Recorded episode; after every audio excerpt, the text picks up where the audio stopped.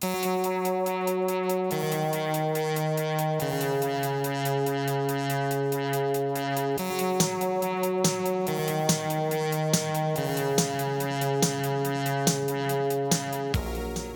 to First Draft with me, Sarah Enni. Today I'm talking to Lindsey Klingele, a young adult author whose debut novel, The Marked Girl, came out June 7th. You might remember Lindsey from our second First Draft Live episode, in which she was super smart in talking about fantasy stories and world building. And if you listened to that episode, you might remember her talking about her pet dog, a pit bull named Big Head.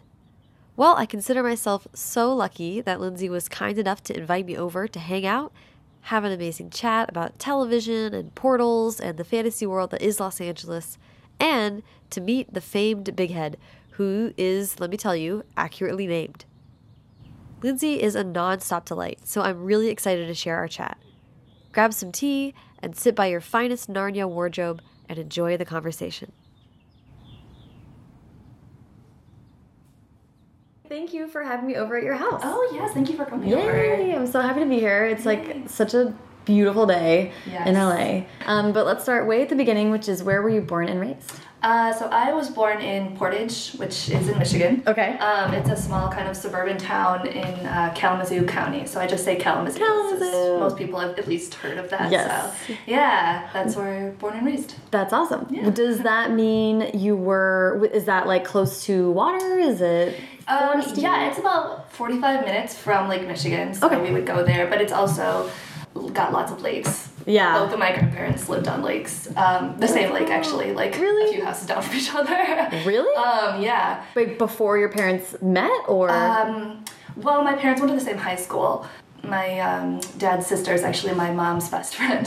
what? Yeah. Is that how they met? Uh, yeah. Oh. Yeah, well, I mean, they they are divorced now, but. Well, that's cute, um, But yeah, Sorry, that's. buddy. Oh, So- we have big head. We have big head. Um, yeah, that's my pit bull. pit bull with us. Yay! So sorry, I just like I wake woke him up with my It's sweet, but a little jumpy sometimes. It's okay. yes, I have a big family back home. Like my dad's one of seven, and uh, pretty much all of my cousins grew up in that area. I Wow. went to high school at one point with like six of them at a time. So That is yeah. So When I think of Michigan, and this is like such a weird thing, but maybe it's true. I think about like a childhood like running around in forests and like totally. Yeah. Um, less forest because I was afraid of the dark. But we definitely did that. We uh, were out on bikes all the time. Like we in the Mm-hmm. summer we would leave, ride our bikes, come home at night. Uh, be gone all day. Play like uh, catch the flag, kick the can. Yeah. When you were little, um, how did reading and writing kind of factor into your life? Uh, big. Yeah. I have always loved reading. Mm-hmm. Um, it's always been my favorite thing to do, and I've always wanted to write. Like I don't Mm-hmm. even remember making the decision. It was just something that I always did as a kid. okay. Yeah, my mom actually just sent me a little book that I wrote in second grade, Aw. which is also a portal fantasy. So I feel like I've had the same idea for 25 years. Um, that's amazing. Um, yeah, and then, like I said, I would play outdoors a lot. I'd play Mm. with my cousins and my friends, and we'd make up stories, and then I would go and write them down, or Oh. uh, write plays and make my friends act in them. Mm-hmm. They were not really into that. Um, but it didn't really seem like, like it wasn't like I'm gonna grow up and be an author, because that seemed like an insane fantasy. It was Right. just what I did to pass the time. Yeah. Because I was bad at sports. yeah. Um, because I'm interested in like the play thing. Right. That is something that's been really common amongst people who I've talked to in LA, who are then in some way sort of like associated with entertainment or like that's like an early stage thing or Yeah, script it's- thing. strange because I didn't like go on to study playwriting Mm-hmm. or um, even screenwriting at all. But when I was a kid, that was just the best way. Like I had this activity that I loved, which was Mm-hmm. making things up. Um, and the only way to get my friends involved was to write parts for them. Mm-hmm. Yeah. Not that it like super worked. Like I don't think like they wanted to make up dances and stuff like that Right, right. build force they weren't really super into um, my plays but uh, yeah i think that was just a way to make what i loved to force them to do it too Kind of collaborative. Yeah, Which is yeah. interesting. So do would you consider yourself an extrovert? no No. totally introvert. Okay. yeah, Yeah. i was an introvert who just happened to be born surrounded by people so Yeah. Yeah, it's like a big family. Um, the girlfriends that I went to high school with, well, elementary school with, like my best friend was next door, Mm-hmm. and two others were down the street. So like, if I had been born somewhere else, I probably would have had zero friends. but like, I just like happened to fall into it. Um, Forced to socialize. yeah, yeah. So I was probably the shyest of my family. Interesting. But, yeah. Okay, okay. So so always were writing stuff down though and Oh yeah, totally. and binding them like yeah, in or this do you book you're remember, talking Um, do you know like teacher stores? And They Yeah. have those little white books. um, So I would get those and then handwrite stories and then illustrate them. that's awesome. Mm-hmm. And then your mom saved them. yes. Yes, Yes, she did, and she likes to mail them to me on occasion. I think she's just like slowly clearing out Yep. all of my old stuff. Yep, this is a mom trick that I recognize. Yep. Um, I know, I had completely forgotten about that, and I got that in the mail, and it's like this little book about these two sisters who fall through a portal in their grandma's attic and like go to another world, and I'm like, huh, yeah, this is the same story that I've been writing for 25 years.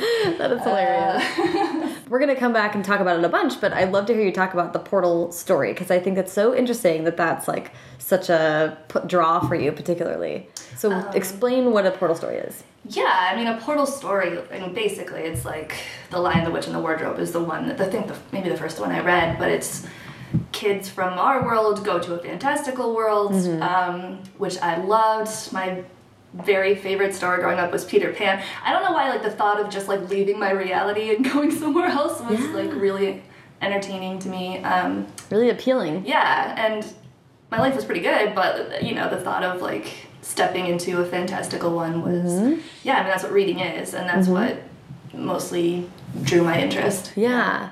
I think I think it's funny because I hadn't necessarily, at least not for a while, thought about portal like the term and like and that subgenre of stories. And I was recently talking to I think Amie Kaufman was talking about. Uh, she called it a "shut up and take my money" list, where Oh, she wrote this list of like stuff where if that's in a story or a movie or a TV show, she's like, done. I'm I'm in. Like Yeah. I don't need to hear anymore. And um, for me, it was like time travel stories Ooh. which I think are in their own way portal stories. But but it was interesting to me when you I read a couple interviews with you and you were talking about portal stories and it seemed to me like that must be like top of the list for what draws you in. Yeah, I love portal stories because reading is like the ultimate escape. Like Mm-hmm. it is sort of the fastest way to go through a portal out of Mm-hmm. your existence and into another one. And I just I love that and like I love how anything can happen and Mm-hmm. You know you can make up the rules and So you weren't feeling like you like being an author was a real thing. right. I mean, I guess I it's hard to connect authors as being people. I feel like it's different now. Now that authors I think have a bigger presence. Yeah. But when We should also kid- say that this is the dog drinking water in the background. Oh yeah. and not like a random fountain or something. um, But go, go ahead, sorry. Yeah, no, it's okay. Um, I remember, like, I read a lot as a kid, and I remember um, writing fan mail to Ann M. Martin Oh wow. and being like, "There's no way she's gonna read this." Like, not even really thinking that she was a real person who Right. like read letters. So it didn't seem to me like author was a real person's job. Mm-hmm. Um, For a long time, and then you know, it just didn't seem like a feasible Yeah. career choice. So Yeah. it wasn't until much later that I thought it, be, it would be a possibility. Yeah, maybe give it a try. Um, so so what were you? What did you focus on then when you were? Uh, when I went to college, I thought I would go into publishing. Mm. So I went to Central Michigan and I studied journalism and creative writing. Okay. And with like the thought that I wanted to go into um, either magazines or book publishing, that was what I wanted to Okay. do. Okay. So when I graduated, I went to Chicago, Mm-hmm. and I actually worked for a trade publication there in the meat industry. What? Yeah, it was called Meatingplace, like M E A T. And then I uh, started as an assistant. And It was a pun. uh, yeah, real great pun. Oh and my then God. Also, Poultry was uh, the sister publication that I worked for. Oh my god, that is Mm-hmm. So, hilarious. I like know a lot about like how the sausage is made, literally.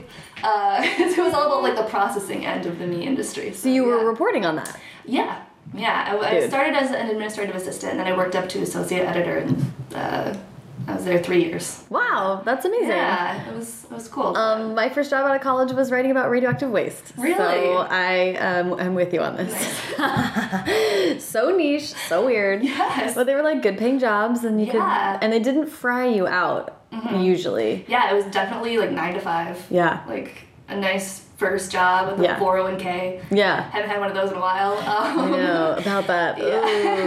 Ooh. Um, yeah. the- So so you were writing. Yes, And- but I didn't like love it. Yeah. Um, like I technically had achieved what I thought I wanted to achieve, Mm-hmm. uh, but I wasn't really um, happy with it, and I just saw like my whole future laid out in Yeah. Mm-hmm. Chicago, and then like having a 401k and all that became a bad thing. I guess a quarter life crisis is Yeah. what you could say. Yeah. Um, so I was 25 and didn't know what to do next. and I'd always loved television. Mm-hmm. Um, I fell in love with like Buffy the Vampire Slayer in high school and Mm-hmm. was, thought it was amazing. When I was living in Chicago, I rented Veronica Mars at, Mm-hmm. from the Hollywood video down the street. Amazing. And I watched four discs and then I went back the same night to get the next four. Um, and that occurred to me, it clicked in my head, like, oh, people write this. Like, this is a story. Interesting. And just like books, people write TV. I don't know why it took me 25 years to figure that out, but um, I went and bought a book about how to like write scripts, and then I practiced that, and then I came out to LA on vacation, and I was like, oh, this is a place, like it's a real place. Yeah. And I loved it. Yeah. I didn't think that it would just because of all the stereotypes, but this is a place where you can go to a bar and people are talking about movies and TV shows and like Mm-hmm. things that I like, and not just like you know the Bears or Yeah. Oh my god. Yes. so I was meat. Like, oh, or meat, yeah. I do love meat. I don't mind talking about meat. You know so um, much. yeah. So I thought, oh, this is where I belong. And then, like, I didn't really know anyone out here, but I decided to pack up a U-Haul and come out. Okay, this is crazy. Let's back up just a little bit mm-hmm. because I think it's so fascinating always when people are like people sort of just like mostly like bumble into publishing i feel like because a lot of us are like didn't think authors were real because Right. we revered them so much or we were like this is not like a job that mm-hmm. you know responsible adults have or whatever. Um, but i love that you were like i might work in publishing so you were thinking like you know that books get made. Mm-hmm. Like you were gonna work on that side of it but not mm-hmm. like like still author was not a thing yeah, it seemed like a much less likely outcome. Uh, and I think part of that is just like not really believing in my own abilities and Mm-hmm. just thinking like, well, that happens to other people, but there's no way that's like Right. my course. That seemed like really far fetched. However, like it, to me in my whole life, it took me so much longer to realize that like people write TV shows and Right. movies. Like Yeah. that to me, I actually had like this depressingly recent realization that like movies aren't like perfect which sounds dumb but i was like oh like i had this i was probably like 25 and i was watching a movie and i was like you know they probably could have done this a different way and it was literally the first time that i've ever thought about movies as unimpeachable yeah, like, which is crazy disagree with that choice. yeah, like and, and they're that. making choices. Like this mm-hmm. isn't just like I don't know why that, that it seemed so like kind of separate and Totally. different to me. Yeah, and I think it is because there wasn't like as much behind the curtains Mm-hmm. um, stuff as there is now. Like, I didn't grow up like there wasn't podcasts or Right. Twitter or like. Yeah, we didn't know that act- Entertainment Weekly was just like Mm-hmm. interviews with celebrities, not with showrunners. So it was a whole different. It was just like this. It was like people had to be born to that world or something. right. Um, yeah, yeah. but it became like that was something you like clicked on to want to try to do that. And I also, I mean, I wanted to change. Like, Mm-hmm. I wanted out of Chicago, and uh, it seemed like there was a path to television writing. I'm like, Mm-hmm. oh, okay, I know how to start as an assistant. I know how to start Ah. as an intern. Like, I know how to work my way up. That seemed like a much safer route to me still than writing books. Mm-hmm. Yeah. Um, Yeah, there's not there isn't an infrastructure for that. right. You just got to So do much. it and then hope for the best. Yeah. Uh, which actually, when it did come time to sell my book, turned out to be much easier than breaking into television. Right, right. um, uh, which was harder, or is harder, remains hard. Exactly. Yeah, it's not easy for anyone. No. Yeah. And so when you were then like, okay, I want to try this, what kind of stories did you start writing? How did you was it easy to like reaccess that imaginative imaginative side? um, so I had always like started and stopped things. Mm-hmm, um, I never finished anything, but everything that I started, it was always young adult focused. Really? Um, Okay. Yeah, pretty much, or like young women focused, Mm-hmm. and it always had like a sort of supernatural element. I wrote a Mm. lot about like people discovering they have powers. I think Mm-hmm. I wrote one, started one book, or maybe it was a script about like superpowered kids at a boarding school, and they're like, "Oh, I'm writing X Men." X Men. Yeah, so Sad, sadly, it's such a good idea that it's been done. pretty well. And I'm like, I did that a lot, like accidentally copying ideas and then abandoning them. And um, but I, I mostly worked on like spec scripts and pilots out here. Right. That's how you get like representation. Um, and it was yeah a lot of things starting with young women and with the genre aspects. with genre stuff going on Oh, with them. yeah. That's it's so I love that. And when you're talking about trying to write pilots and stuff like that, Mm-hmm. it's a really different process because you write the pilot and then it's like a beginning that has like all the potential to be, you know, whatever, like Right. Mm-hmm. seven seasons or something, or at least one. But you really only want to write the one, right? And like then step back. Yeah. I think that's perfect for me because I like beginnings and I hate endings. um, I love starting things and I Mm-hmm. love like opening scenes and like hooking attention. And then when you have to like land it home emotionally, then it's like harder. Right. So I think that's why I kind of love like writing pilots because it's like, well, it could go anywhere, but Mm-hmm. Right.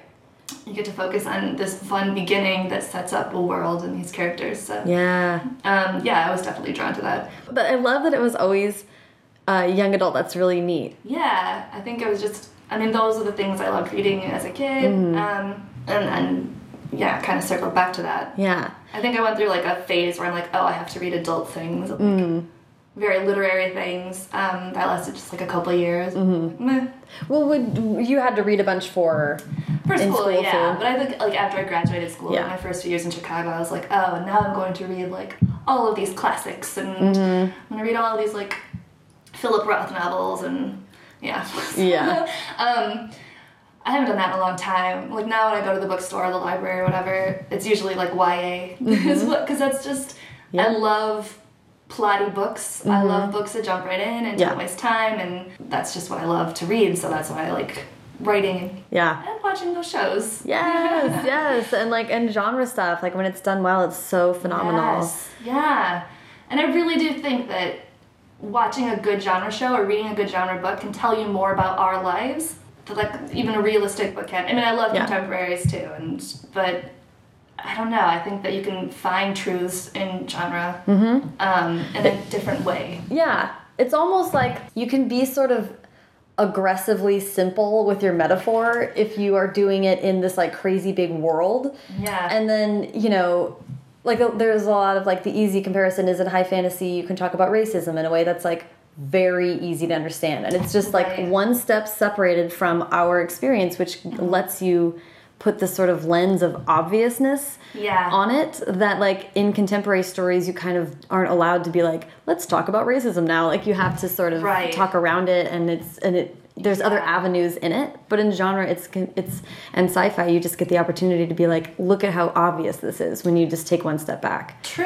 Yeah, and I think you have more space. Like, there's certain topics that I don't feel qualified to touch. Um, and I think that when you go to a more fantastical world, then yeah, you can mm-hmm. play around more and say things more that you want that affect our world without actually hurting real people who exist in our world. Right, You know? right. Um, I mean, you still have to be careful, but mm-hmm. I think yeah, you have a lot more freedom there to say things without potentially damaging readers. right yeah, Yeah. that's huge that's really Yeah. huge and why fantasy books are like a refuge mm-hmm. for people who are struggling it just bugs me when people look down on the genre because it's like Oh my gosh. like that's I try not to like yell on Facebook. Um like I don't want to get into politics or anything like that, but the one thing when I like really harp on is when some dumb article comes out like every four months about how like genre isn't as good or Yeah. There's someone just wrote an article. I don't remember what publication it was for, but it was a professor about how Game of Thrones is like a series for children and people should be watching vinyl, like of all things, like vinyl. What? I know, and I like went on this whole screen that is an it. indefensible position I know, sir And like, that's probably why he wrote it. But I'm like, I'm falling right into his trap. he wrote this to make me angry specifically. Oh my and, God, Uh, here's my four paragraph response. Good. Good for you. Yeah. That's freaking crazy. What the hell? Yeah, Vinyl. nothing gets me like things probably should get me angrier than that, but that gets me so angry. It bugs me when people come into I don't know when people want to want to police your like free time. It's a, a little Yeah. always a little bit of an element of like, what? Why? Like, That's what I actually was part of my four paragraph rant because he's like, these aren't real adults. And I'm like, if I pay my bills and treat people well, like, who cares if I'm wearing a Hufflepuff t shirt? Like, Yeah, right. what do you care? Yes. yeah. So Get now the- I'm getting all angry again. I love it. I love it. It gets you riled up. Yeah. I love it. Okay. Um. Uh. So okay, I do want to talk a little bit about. We're gonna. I want to talk specifically about Los Angeles when we're talking about the Marked Girl a little bit. So we'll get back to like the move, but I'd love to hear how what it was like to start out in a brand new industry and like hours and working things up and how how you found TV writing to be like. What was that experience like? Tricky. Yeah. but fun. So I've been out here seven years now. Mm-hmm. I was out here. I like I said, I didn't know anyone who moved out here. So I got a job actually at um, a movie theater, the ArcLight Hollywood. Awesome. Yeah, just to meet people and also make money. Um, Yep, yep. And during that time, I got an internship uh, on Sony. Oh, so cool. it was cool just to be able to be on the lot and to read a lot of scripts. Mm-hmm. Um, but you know, unpaid, and that led to another internship um, with a reality TV producer, which is an interesting world. Yeah. And then I briefly worked for like a celebrity gossip magazine really. left that very quickly. Did not care for that. Um, and then I finally got a job as a writer's production assistant on a ABC Family show before it was Freeform, uh, called The Lying Game. Okay. And that was sort of like my first introduction into actually like being a part or like supporting a writer's room and seeing how TV shows are made, and it was so cool. Sadly, got canceled. And then I moved over. Uh, that the showrunner got hired on another ABC Family show called Twisted. okay. Um, so then I went over and I was his assistant and the writer's assistant. So then I was in the room and seeing them come up with these stories, and it was so cool. Um, and then that show sadly got canceled. and it was right after that that I sold the Marked Girl. So Ah. yeah, but I would definitely love to go back to TV. Like that's, I just love being in a room full of people all day and coming up with story. Like it feels like a dream job, and Yeah. it was so cool to be a part of that. And like even as an assistant, I loved it so much. That is um, really neat. Well, yeah. and I and I'm super interested in how that plays into like your career your creative process kind of because I think a lot of writers would like also identify as introverted and I have been just like basically talking to everyone in my life about how I think writers are control freaks. Oh, It's yeah. probably not all 100% true, but I'm I feel like huge it's control freak. Oh my god, I feel like it's problem. it's kind of a necessary thing to be like, you know, playing God with your yeah, novel. You're literally controlling worlds. yes. Uh, Yes. So yeah, definitely. so like the collaborative. so when you are like an introvert and you do have obviously you like excel at this like self-driven like novel writing world but i love that you were also so energized by this really kind of crazy chaotic tv writing Yeah. room Yeah, I haven't really thought about that. um, it is because there's a lot in TV that you don't have control over, um, which was really surprising to me. Like I, I was a part of that world before I moved over to publishing, so I think like I got more used to that first. So like my boss, um, Chuck Pratt, who worked on Melrose Place, and he'd been a showrunner for like years and still would have to answer to network executives and like he would write a script and it would be good and they'd be like change this and this and this and then you have to do it in like two days and wow that's just like a skill you have to learn because you have to um, you know you have to do it just have to do it. The deadlines Yeah, are real. the show like yeah Yeah. so i think that was really important for me to see how to take those notes well and how Mm-hmm. to apply them well and how to use whatever notes you get and use them to make that episode better um, whether you agree with them or not like you have to use them to make it better and Mm-hmm. I think going from that then to you know, selling a book and working with one editor who Mm-hmm. was really great, but she was like, she sent me my edit letter, and I was like, okay, okay, I can do this, I can do all these. And she's like, you know, like, these are just suggestions, like, just a jumping off point. And I was like, no. The thought of ignoring a note was very foreign to me by that point. Yeah, Because I like had ingrained, like, this is gonna make it better. Right. So pay attention to what these notes are. Um, and I'm still that way. I think that's a good thing. I don't know. Yeah. Well, that reminds me of a lot of uh, the journalism background too. That there is a, I think, beneficial amount of like losing preciousness that happens when you have to be edited aggressively and on a deadline and all that stuff. Definitely. Yeah, and I think that does help to figure out how to give up some of that control. Mm-hmm. And it also, I think, weirdly helps, like, now that it's time to put it into the world, I feel like, well, it's had eyes on it. Like, Right. It wasn't just me. Like, Yeah. it's as good as it could be because it went through this editing process. And Yeah. Yeah. It would be terrifying to have Oh my god. something only you had seen be in the world. Oh my goodness. Because there's just stuff that you miss. Yeah. Like you read something 80 times and Yeah. there's just stuff you miss. Yeah. and people who do books and TV um, and movies and how like they were talking about especially TV because you're on such tight schedules and things just have to get filmed and Yeah. it's that's how it is that it would be also a certain degree of like accepting the imperfectness and like having to just be done with something when the time is up instead of like Yeah. it's perfect yeah. And it's I get weirdly defensive when people like review television shows online, which Mm-hmm.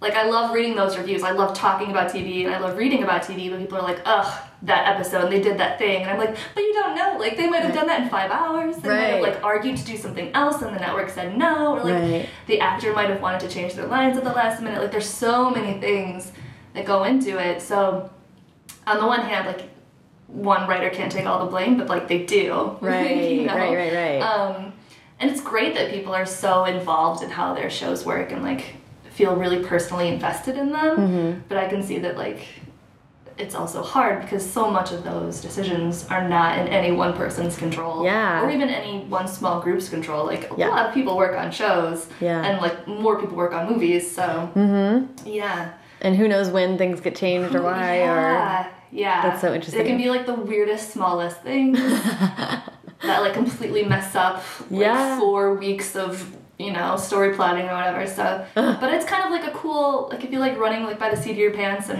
that Mm-hmm. collaborative experience. It's it's part of it. It's part of the fun of it.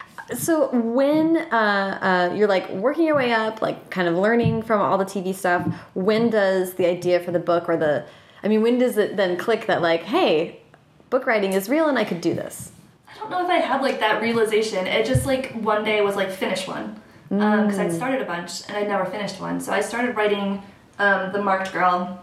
Well, wait, before we get into that, because then I want you to intro what it's about and everything. Sure, sure. But I love that you were starting things though. So you were you were aggressively pursuing the TV career, but I then don't know if I'd use the word aggressively.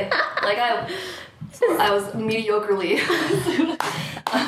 mediocrely pursuing a TV career. And but on this on the um was were you writing books or novel looking things Right. right the whole time you were in LA or Uh, yeah, like on and off. I think I've always done that. Okay, On and off. okay. Yeah, and I don't know if I ever had in my head like that I would get one, something published, but Mm-hmm. I just I love writing, so it's sort of like you know you have a stressful day where you Mm. just feel like you're not being like creatively fulfilled, and then you write five pages, and like you would feel better. Like. Yeah. I would feel better. So that's just something that I always did. okay And then I was like, okay, I was working as a writer's PA, and when you're a writer's PA, you have like a lot of time because Mm-hmm. you're in the front and everyone else is in the back. You just have to answer phones and get lunch basically, and Uh-huh. like collate scripts.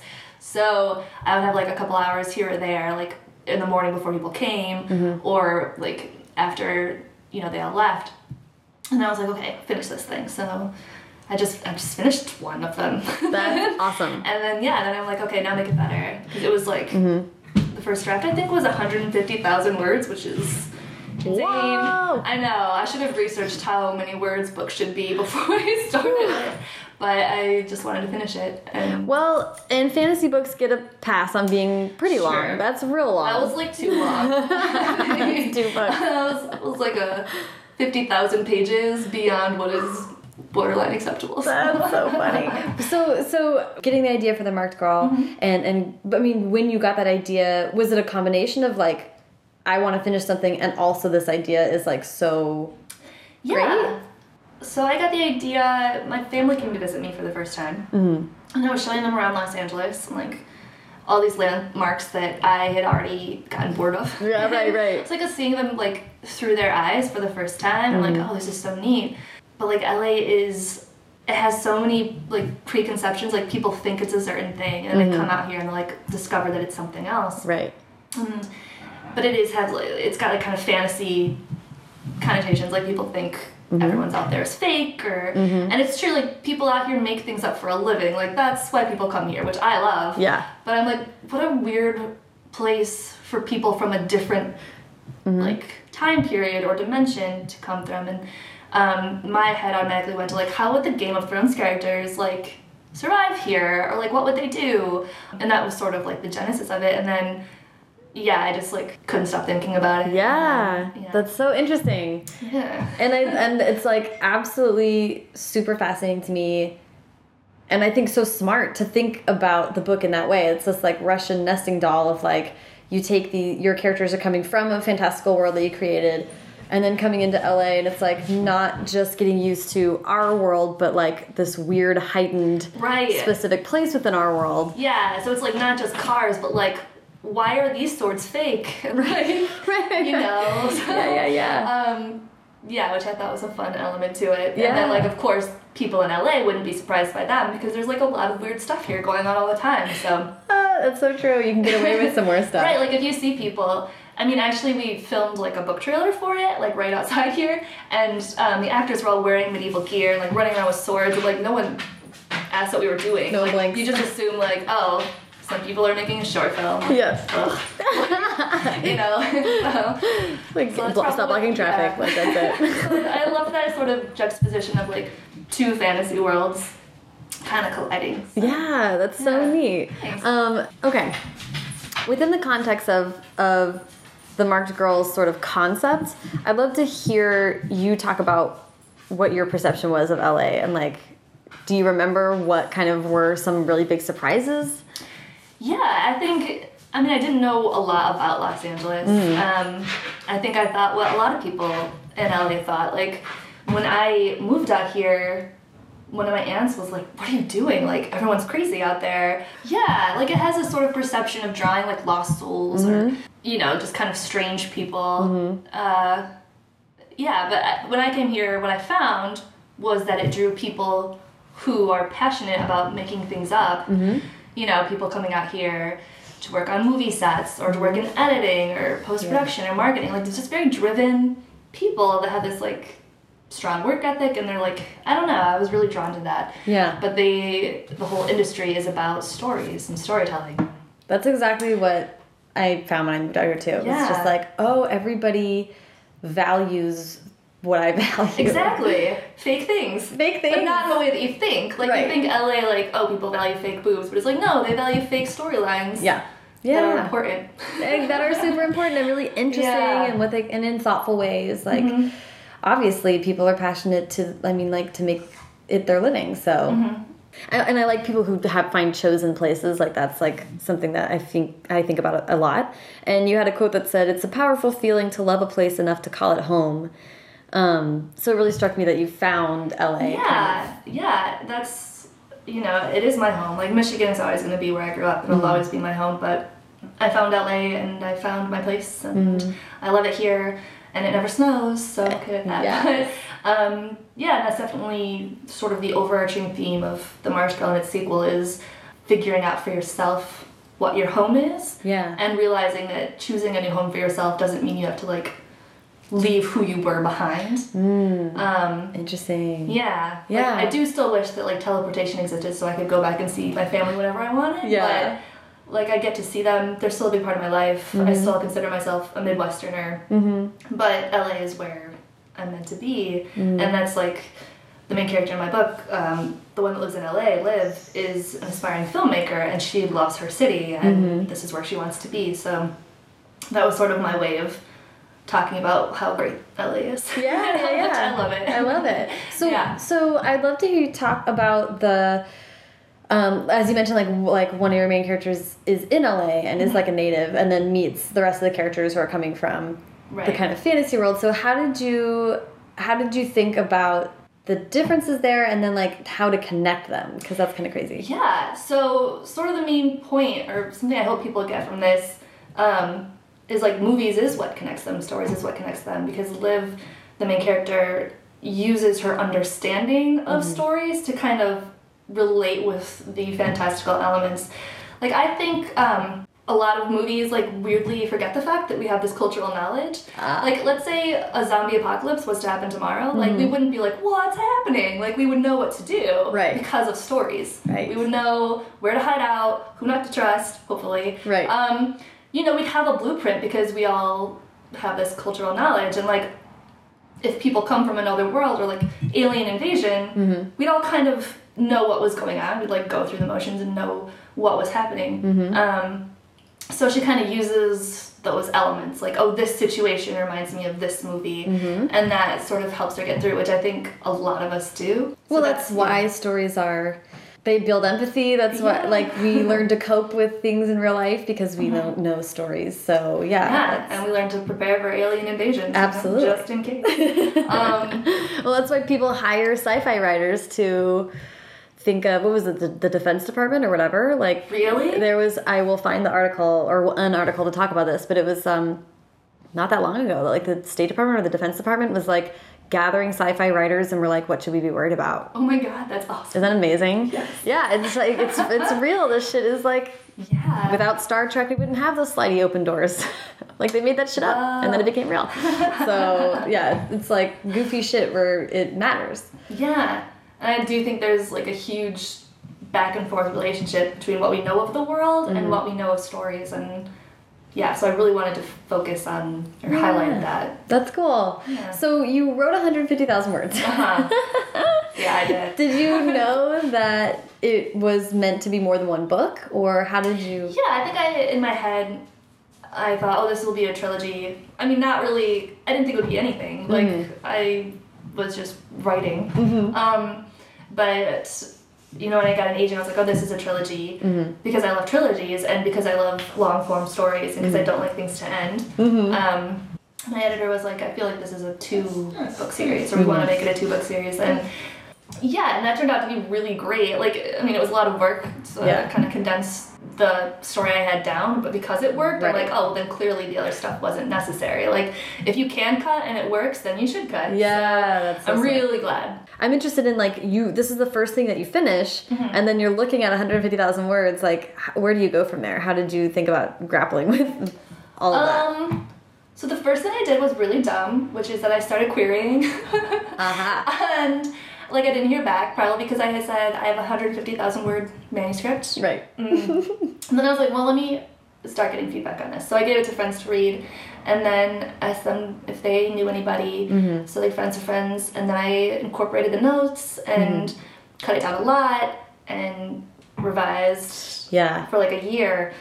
Really? Wow. Um, yeah. yeah, so then I finally sent it out, and then I did get my agent from that, and then I revised it again um, before she put it on submission. So, Mm-hmm. so it's Some- been it's been worked on quite a bit. Yeah, I, yeah. learned a lot about what's necessary and what's not. What what um what if anything were you taking from the writers' room to those revisions? Because I can imagine there's a lot Oh. of Well, I think working in a writer's room taught me how to be a really detailed outliner. Mm-hmm. So that kind of affects um, how I write. And also, both the, st- the shows I worked on were um, like very soap opera, story driven Mm-hmm. shows that have like intense act endings and cliffhangers. Mm-hmm. So I really like to put those in my books too. And yeah, I think just like you get into a scene as quickly as possible and then you get out as quickly as possible. Mm-hmm. Yeah. Like that's how TV writing works. And so like, do you need this first like four lines of this scene? No. Right. Like, do you need like for them to talk about this for seven pages? No. Mm-hmm. Um, and then I have to watch for this because I like by habit put a lot of information in dialogue when it doesn't need to be in Oh, books. Like there can be internal monologues. So I have to sort of pare back on the dialogue that I that I use. And, interesting. Yeah. um, but yeah, just like get in, get out, give the relevant information, make scenes do more than one thing. All that's very like TV heavy. and pl- and keeping it plot driven and Yeah. like that's really I think it's like uh, reading books about writing for TV or, TV or screenplays. I would totally recommend to any writer because it's a lot of efficiency. Yeah. And that at some point, I think every writer gets to the point where they're like, I need to like I need to not spin my wheels so much. Like Mm-hmm. those tricks for efficiency are really really handy to have. Yeah, and I think like you can tell when like if a scene is boring to write, like that's a big sign. And um yeah, so it's about efficiency, but also making sure that like every single scene is as interesting as possible. Yeah, yeah. Yeah. Ooh, I like that. um, so let's see. I love your I love your inspiration of having your family visit and then like seeing it through their eyes. Like that's the best. But it's so interesting to have a portal story then flipped on its head. Then how much of their other world do you see? How much did you know about that? Like You don't see a ton in the first book. um, you see more in the sequel, and you know, I didn't want to get too much into the specifics of like the politics and the history of this Right. other world because again, that's the kind of stuff that's boring and gets cut. Right, Like, right, I had it, but like it doesn't add to this particular story that I'm telling in this particular book. Um, what was important to me was that readers knew that these were characters from a medieval type world. Yeah. And so I hope this works out. I don't know. I tried to make them as tropey as possible because that's the joke. Like, Mm-hmm. Right. you want to be able to recognize these guys getting onto a bus with a sword. Like, oh, Mm-hmm. they're coming from a medieval world. Like, that's, you know, if you start getting into like backstory on how many kings there's been and whatever, it just sort of takes away from that joke. Right. So I didn't focus on it a ton in this first book. How well, okay. This is something that I wonder about people who are who are playing with the kind of medieval fantasy stuff. It, I love that you wanted to lean into tropes, like almost stereotypical, like things that you'd see in those stories. Yes. But did you? Did any part of you want to also kind of like subvert those and play with those?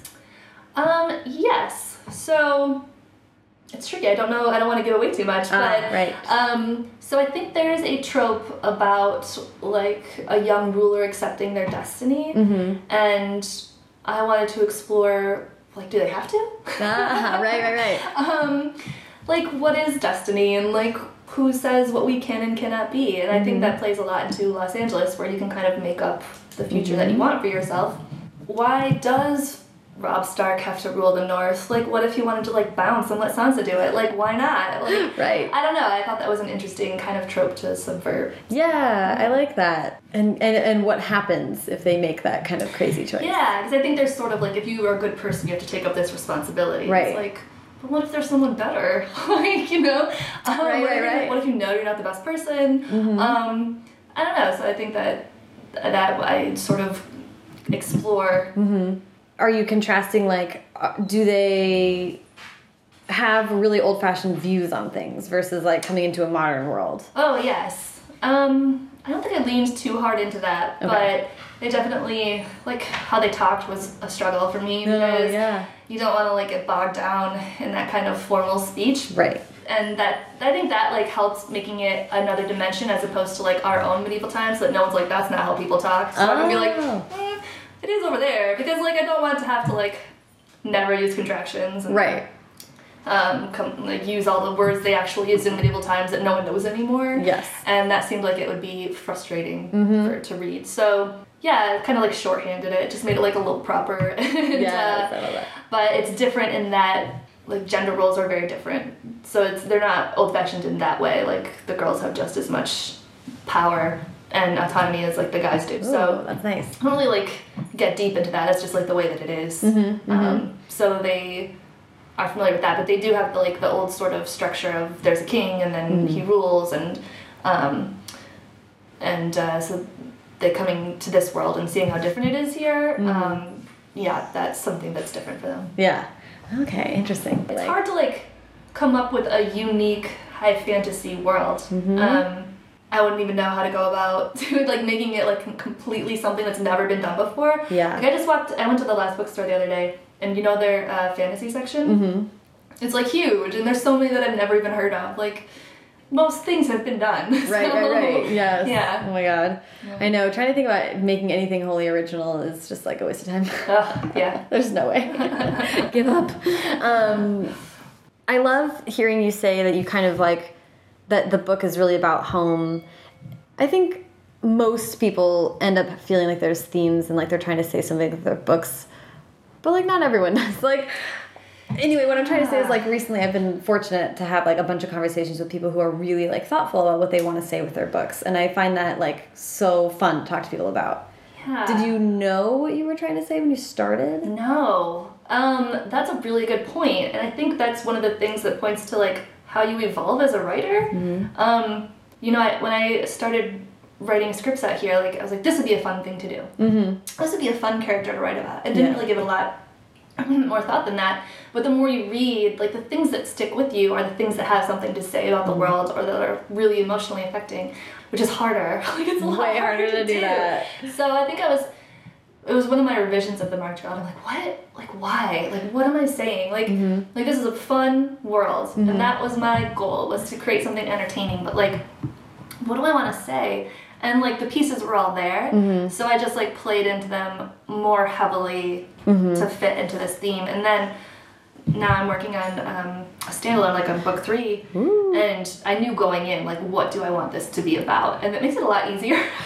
Yes, yeah. um, but also harder because you have to then do that well. Like you have to land it, Mm-hmm. Right. um, which is tricky. But I think it makes me more excited to write because a fun thing gets you a good first draft, but Mm-hmm. it's hard to like go back on revision nine and have it still be fun. Yes. Um, but if it's still like important to you, if you're Mm-hmm. like I have to get this right, then when you go back and revise, I don't know, it just adds another level of not just writing this is fun, but like writing this is important in a way. Yeah. Um, I, I I completely agree, and and I feel like that to me is what revisions end up being. I think uh, often, I feel like I'm starting to write something now where I think I know what it's going to be about, and I'm like a guaranteed to be in the third draft and be like, oh, actually, Yeah. Like it's so I feel like I do end up writing to myself, and like once I hit the point in revision where it like the light bulb goes off and I'm like, oh, this book is really about this,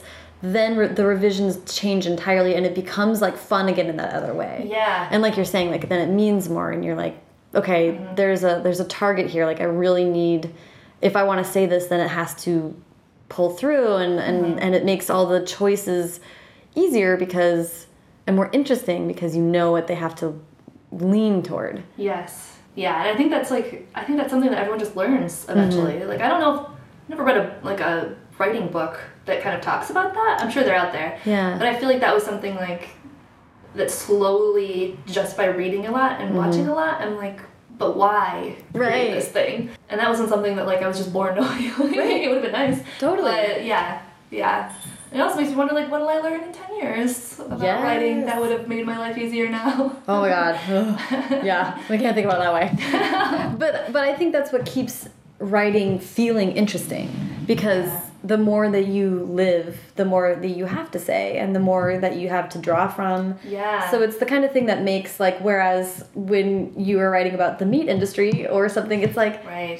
you know, barring a, a huge innovation in how we, you know, create or eat or distribute meat, Uh-huh. like it's going to be the same thing and on a weekly Yeah. deadline. And that was like hard for me to handle. But books, though we are doing the same thing for like years at months at a time, it's still like there's enough change within that that I, I'm like, this is like something you can do forever. Yeah, and I think that's where you mentioned earlier, like, there's no original stories. Right. Like, you're not going to run out of things to say about Mm-hmm. what it's like to be alive. Um, you might run out of, like, I mean, fantasy's been done, portal stories have been done, but, like, this particular one saying this particular thing hadn't been done. So you can find any combination of stories to tell if you have something to say. Yeah. Yeah, because Yeah. even if, like, someone else has said that already in a different story, they probably did it in a different way. Yeah. Um, And I, I love, um, I wish that I could remember, there was a great quote I read recently about it, but just the concept that, like,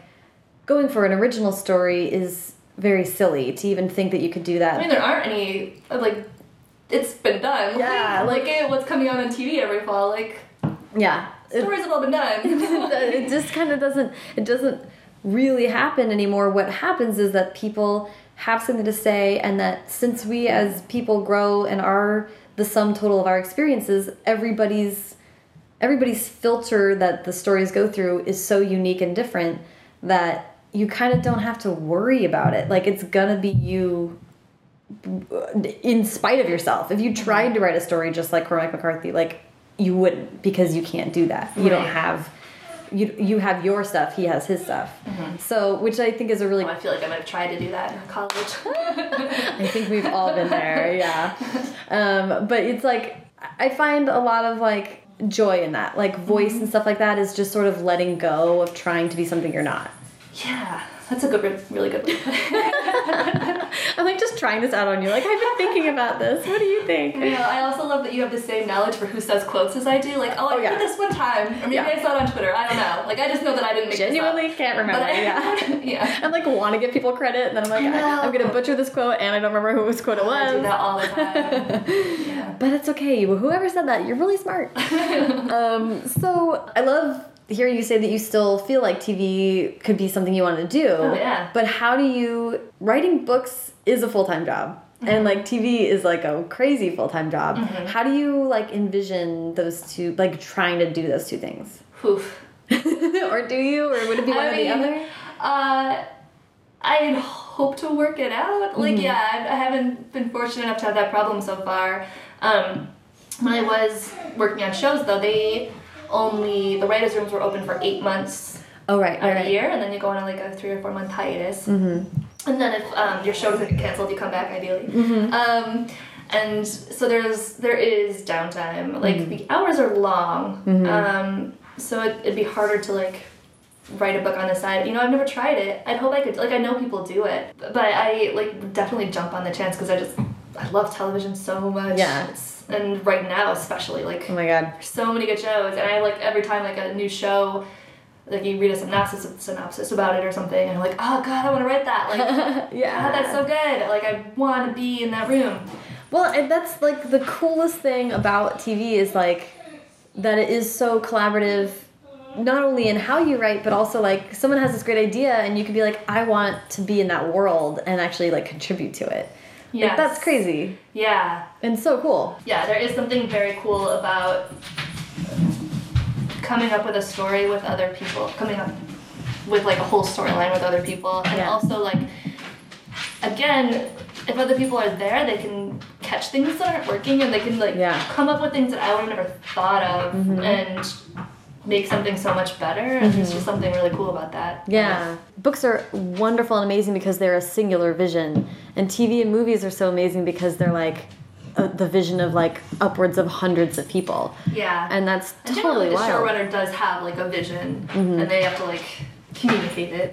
you know, um, there's a really great podcast called Children of Tendu, where two um, TV writers talk about like the business of it, and they talk about like there's one whole episode about how showrunners have to have have to be able to have a vision and then communicate that vision because people have to know like the tone and they have to know like where the story what it, what it's about. Yep. Right. So- Yeah, yeah. Um, so we we wrap up with advice. So I'd love to hear uh, um, definitely general advice to, to new writers, and maybe if there is any other lingering thoughts you have about like what you've learned from TV and stuff that has helped you. Yeah, I mean, I think my advice is going to be the same advice that a lot of people give, which is like keep doing it. Mm-hmm. Um, don't stop if you have an idea that you like Yeah. and you want to make it a book. Like, don't stop after 30 pages. Like, Right. keep going. And then once you stop that, keep going to the next step and then the Mm-hmm. next step. And um, it's so easy to give up and it's so hard to keep going, but like, sometimes it works out. Yeah. so, And if um, you keep going, I feel like it's the it's the um, uh, rule of an object in motion stays in motion or whatever. Like just don't let yourself don't let a week go by. Like if you need to plug away every day, like just do a little bit every day and, and keep that going. I think that's really important because if you let yourself stop for a week, I think you can get in a rut. I'm Yeah. like that with uh, jogging. Ah, yes. You're like, well, maybe I just won't go this morning, and then I don't go like every morning. So, Yep, yep, yep. Um, It's true. but if if you really want to write something and if it like is important to you, then you have to do it every day, even Yeah. when you don't want to, even when it sucks, even when you're like, this page is terrible. Like, Mm-hmm. go to the next one and then go back and fix that later. Like, um, I feel like that's advice that everyone gives, but it's like the most But basic and true really advice. Like the only way out is through, you know. So just have to keep going through. Yeah. Yeah. Yeah. um, and anything else from like uh I mean script writing and stuff like that is so different, but I do feel like there you learn a lot by going back and forth. Yeah, um, I think just learning how to balance character work with more action stuff is something that you learn in, in script writing a lot. How to make visual information interesting Oh, yeah. on the page. Um, I like I, I tend to be drawn to more fast paced uh, stories. So that's someone else asked in an interview like how to write action scenes. Yeah. And I think a really good thing, just like a rule of thumb to do, is take your an episode of your favorite TV show and write down everything that happens. Mm-hmm. Like write down what they do, write down what people say, and see how quickly it moves. And you know, if you absorb that enough, then you can apply it to your writing and be like, this is how pace works. And Right. Yeah. And it's so different. It really is different to watch it than to see it. Mm-hmm. Like reading the first script, I was like, this is so short and like Yeah. there's so not a lot of dialogue in this i just watched the new captain america and at the end of it i was like Oh, so good. super loved it was not bored at all two and a half hours flew by Yeah. and then at the end i was like were there 25 lines of dialogue in that whole movie it was like they really there wasn't a ton of talking in that movie Good point. there was so it was brisk and it, every line did like three jobs Yeah. it was so efficient Marvel's really good at that. Yeah. Like they don't waste time. yes And that's like, oh, that's such a good skill. I want to get so much better at that. Like making a line do three things. Mm-hmm. That's because then when you go back, like I went back and watched uh, Winter Soldier before Mm-hmm. this one came out, and you find new things. Yeah. I love that about Marvel movies is like you can watch it three times and then like pick up on something different every Yep. time because they move so fast and. Um, Yeah, and they're so great. Winter Soldier is actually my go-to to have in the background when I'm editing podcasts. Oh, wow. So I've watched it a hundred times, but like not heard it always. And so that's been this great thing too, where I'm like, I know what's going on. Like they're showing me what everyone's feeling, thinking. Like they're establishing that even without even talking. Like which is hyper visual and so opposite of books, but I think that you can learn a lot by like examining how how they do that. Yeah, and also they establish characters so well Mm-hmm. that you don't need a lot of setup. Like you know how things affect them. Yes. Um, yes. That opening scene with them jogging Magic. around the. Oh God, that's so good. It's such a great scene. You know Oh. so much about both of them. Did you? I think I read an interview where they hadn't had that scene. They originally started it um, on the ship with like the mission. Yeah, yeah, yeah. The And first then- action sequence. Like the the writers, the director. Again, I have a terrible memory, so I'm bad at Don't telling these sorts of stories. But they were like, "This isn't right. Like, we need this scene to like establish." You Mm-hmm. know what Captain America is doing, and it's just like him running, and Yeah. then, yeah, And his weird little up and- notebook of like stuff to Yes. sketch up on. God, that's a great, great opening. It it's so quiet, but like so good. Ugh. We're just like, let's just do another hour. just talking about Marvel movies. Oh, well, dude, this has been so fun. Thank you so much. Thanks for coming over. Yeah. Anytime.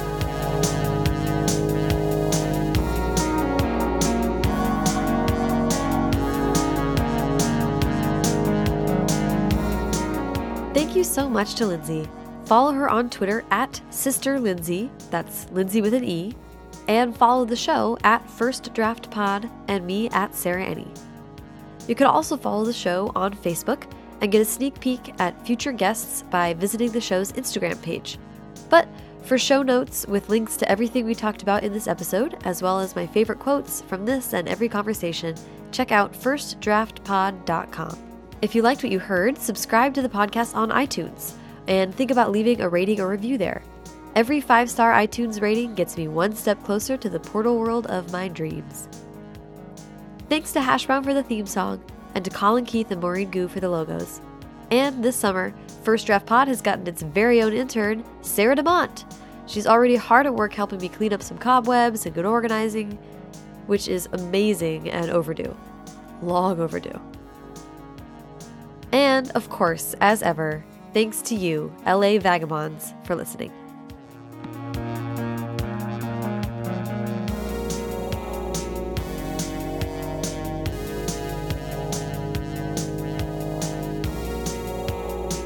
And I'm sorry, my dog is eating your backpack. Oh, that's okay.